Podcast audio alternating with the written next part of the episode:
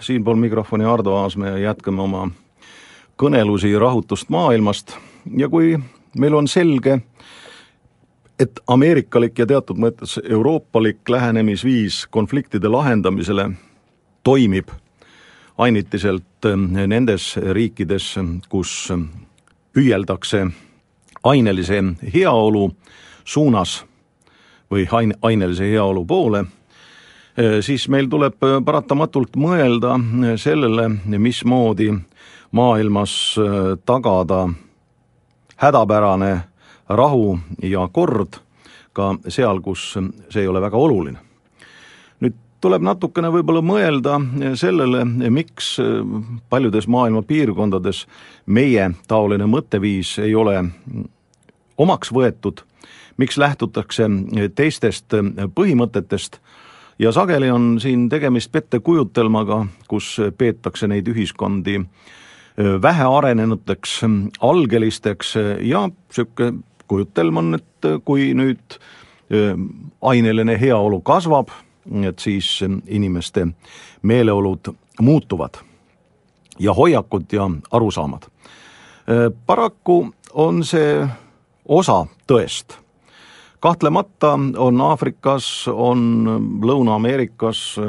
neid ühiskonnakihte, kes tahaksid elada noh, näiteks nagu Ameerikas või, või ütleme Aafrika vaatepunktist nagu Prantsusmaal või, või nagu Suurbritannias.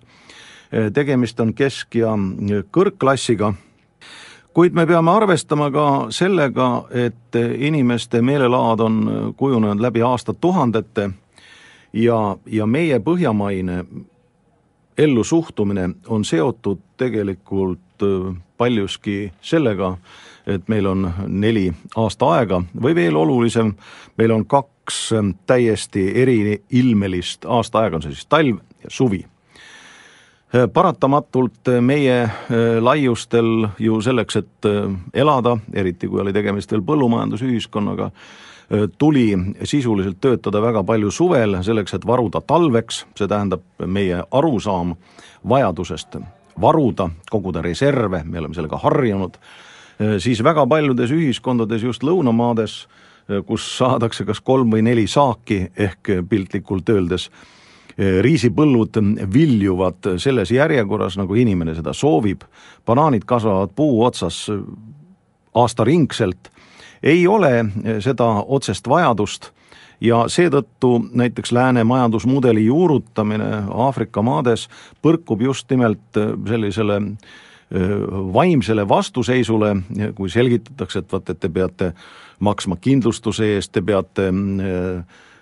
olema valmis teatud tagasilöökideks majanduses ja nii edasi ja nii edasi, mis meile on väga tuttav asi, siis Aafrikas on ju see võrdlemisi uus, sest Aafrikasse on ju näiteks rahvusvahelise turu mõju ilmunud ju alles viimase saja aasta jooksul ja, ja eelnevalt sõltuti valdavalt loodusjõududest. Meil aga loodusjõud on sundinud peale mõtteviisi, et me peame olema valmis ootamatusteks, meil on, kliima on heitlik, ilm on heitlik ja kui me mõtleme ennast näiteks kuhugi Kongo jõe orgu, kus viimased mõnisada tuhat aastat on ilm olnud praktiliselt päevast päeva üks ja seesama, kus ei ole isegi kuiva ega vihmaperioodi ning päev algab mõõduka jahedusega Aafrika mõistes ja keskpäevaks, noh, kui on palavus hakkab mööda saama, tuleb väike vihmasagar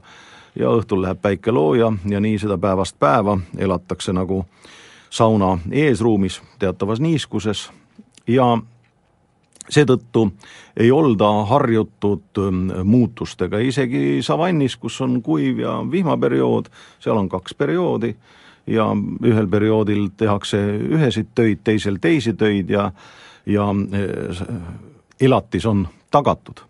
Sama, samalaadne ühetaolisus on ju mõjutanud ju Venemaa mõtteviisi, kus tõepoolest kui kunagi voorimees ähm, sõitis päeva, sõitis kaks, sõitis kolm, on ikka seesama Venemaa ja kui me võrdleme Euroopat, äh, mis oli paar-kolmsada aastat maailma ühiskondliku arengu vedajaks, kui, kui seal näiteks juba ühe päeva jooksul näiteks Põhja-Itaalias on võimalik läbida kolm kliimavöödet, siis Euroopa kirevus on väga suur ja, ja selline kirevus sünergiana on andnud just võimaluse arenguks. ja siit jällegi põhijäreldus, et maailma rahvad ja ühiskonnad ei ole ühesugused ja, ja kui nüüd jõukas osa maailmast kulutab raha kas arenguks või turvalisuse tagamiseks vähem arenenud maades, siis tuleb tegelikult ikka väga hoolsalt vaadata, mida toetada, kuhu raha paigutada ja see lähtub sealsete ühiskondade arusaamisest asjadest